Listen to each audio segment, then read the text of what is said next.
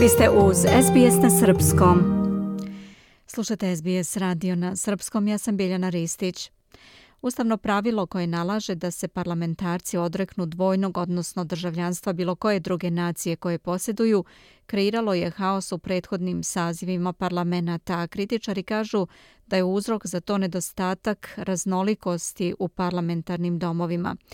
Dve senatorke suočene sa realnošću ustavnog pravila sad su odlučile da podele svoje mišljenje i kažu da li veruju da bi to pravilo trebalo ukinuti ili ne, piše Krišani Danji za SBS News. I think no one should have to go through that. There Mislim da niko ne bi više trebalo da prolazi kroz to. Nema apsolutno nikakvog razloga da ovaj konkretan član postoji u našem ustavu. Član 44 mora da se izbriše jer on zapravo ograničava ljude koji žele da učestvuju u demokratskim procesima, kaže zamjenica lidera zelenih Mahrin Faruki, koja je rođena u Lahoru u Pakistanu, a došla je u Sidney sa suprugom 1992. da je radila kao predavač na građevinskom fakultetu. Deceniju kasnije postala je prva muslimanka koja se kandidovala za parlament Novog Južnog Velsa, ali je pre toga bila primorana da se odrekne svog državljanstva koje je stekla rođenjem.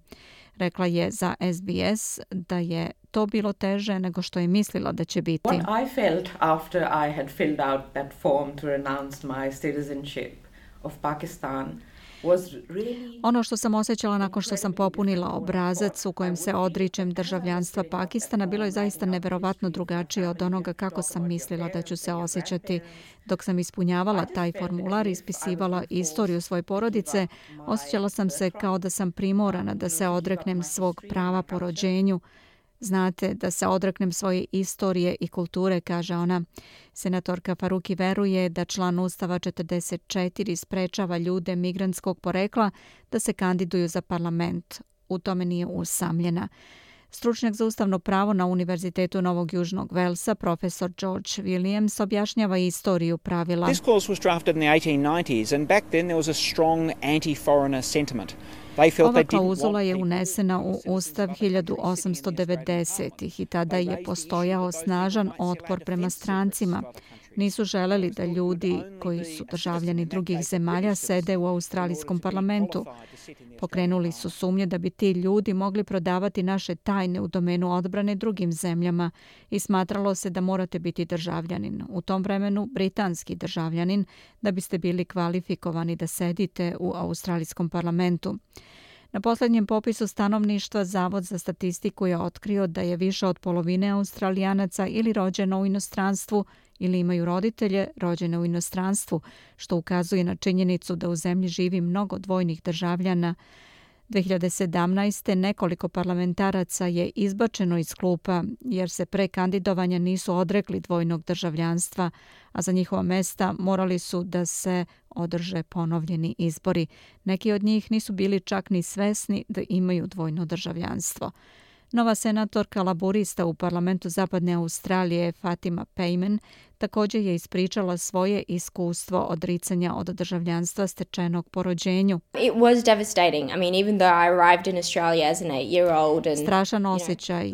Iako sam došla u Australiju sa osam godina i bukvalno odrasla u ovoj sredini, ovo je moj dom, ipak je to državljanstvo bilo deo mog identiteta. Morala sam da se odreknem svog kulturnog aspekta, onoga po čemu se identifikujem, kaže ona. Senatorka Payman stigla je u Pert kao osmogodišnja izbjeglica iz Afganistana nekoliko godina nakon što je njen otac došao čamcem kao tražilac azila.